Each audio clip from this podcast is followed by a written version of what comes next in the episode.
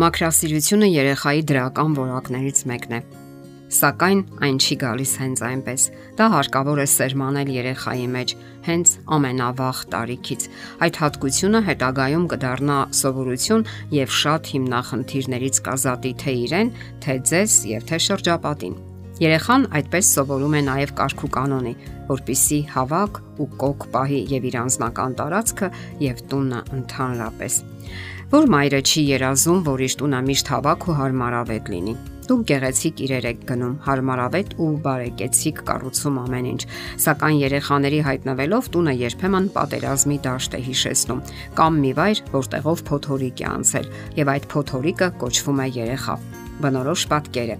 Դուք համբերատար հավաքում եք տնով մեկ ծրված խաղալիքները, սակայն որոշ ժամանակ անց ամեն ինչ նույնն է իսկ փոքրիկն էլ չի ցանկանում մասնակցել այդ գործընթացին։ Խնդրանքները, ճիչերն ու սպառնալիքները ոչ մի ազդեցություն չեն թողնում։ Թվում է զարմանալի ոչինչ չկա։ Հիշեք ձեր մանկությունը։ Ինչ մտքեր էիք ունենում դուք, երբ ձեզ խնդրում էին հավաքել թափված իրերը։ Հիմա, ասում էիք դուք, եւ այդ հիման շատ երկար էր տևում Սակայն հարցն այն է, որ հնարավոր է գտնել դեպի երեխայի սիրտը տանող ճանապարհը եւ նրան համոզել մասնակցելու տունը հավաքելու գործընթացին։ Նույնիսկ ավելին, Այդ գործը նրա համար կարող է դառնալ զվարճալի եւ հետաքրքիր եւ օգտակար մի միջոցառում, որին նա հաճույքով է մասնակցում։ Եվ ընդ որում դա հարկավոր է անել հնարավորինս վաղ հասակում։ Վաղ մանկությունից սերմանած այդ օգտակար սովորությունը նրա մեջ կդասյարակի, կհաստատի այնպիսի անգնահատելի որակներ, ինչպիսիք են մակրասիրությունն ու կոկիկությունը։ Որն է գլխավոր պայմանը երեխային դասյարակելու։ Պետք չէ հայհոյել եւ ոչ մի դեպքում պատժել երեխային թափթփված սենյակի համար։ Չեն օգնելու ոչ ճիչերը, ոչ գորգորոսները, ոչ էլ անհարկի սպառնալիքները։ Գործի դրեք ձեր երևակայությունը, թե ինչպես կարող եք հետաքրքիր ու զվարճալի խաղի ու միջոցառման վերածել տունը հավաքելու գործընթացը։ Միշտ հիշեք, որ տուն հավաքելը խաղ է։ Փոքրիկին կարող եք նվիրել տնային մակրության խաղալիքներ։ Գոյություն ունեն այդպիսի խաղային հավաքածուներ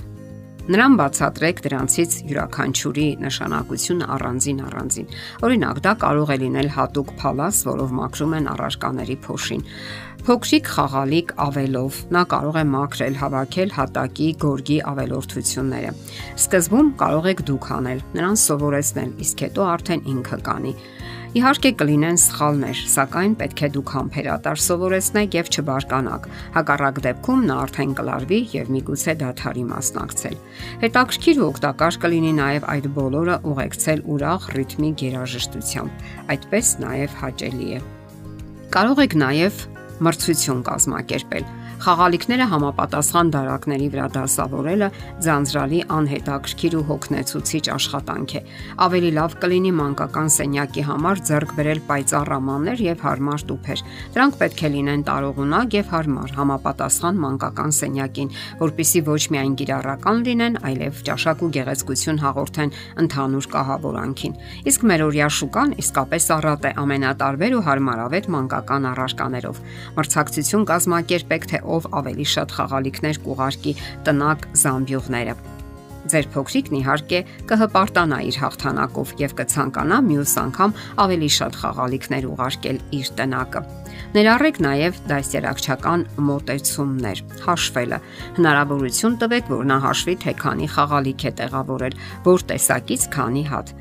Կամ էլ խաղալիքները տեսակավորեք ըստ գույների։ Մի զամբյուղում թող լինեն դեղինները, մյուսում կարմիրները։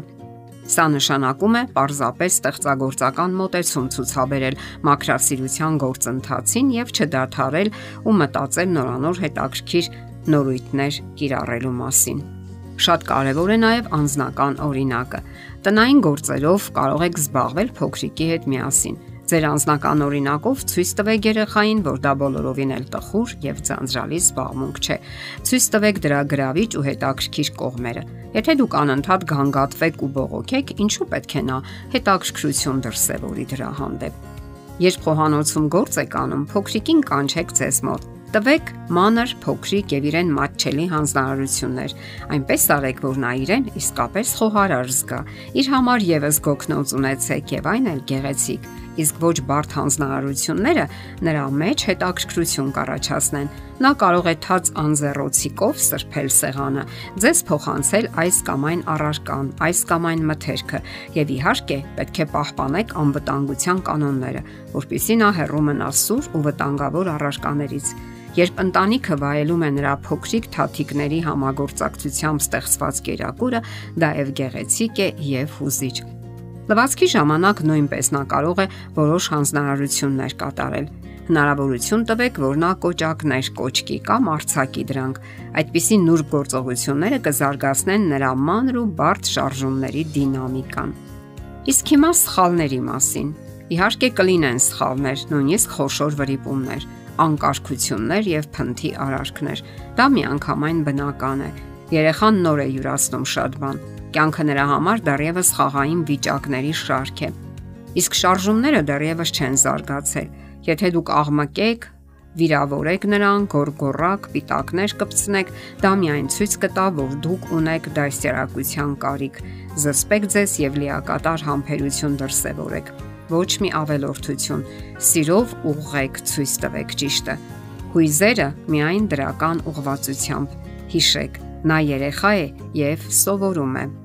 Հարկավոր է հիշել նաև խրախուսանքների մասին։ Պետք է հաճախակի գովաբանեք։ Նրա համար շատ կարևոր է, որ իրեն օգտակար ու կարևոր զգա։ Որոշ հաջող ստացված գործերի համար կարելի է նախատեսել փոքրիկ ապարքեվատրումներ։ Դե ինչ, ձեր փոքրիկ օկնականը իսկապես կարող է օգտակար լինել եւ միևնույն ժամանակ սովորել մակրասիրության ու կարգու կանոնի։ Եթերում ընտանիք հաղորդաշարն է։ Հարցերի եւ առաջարկությունների համար զանգահարել 033 87 87 87 հեռախոսահամարով։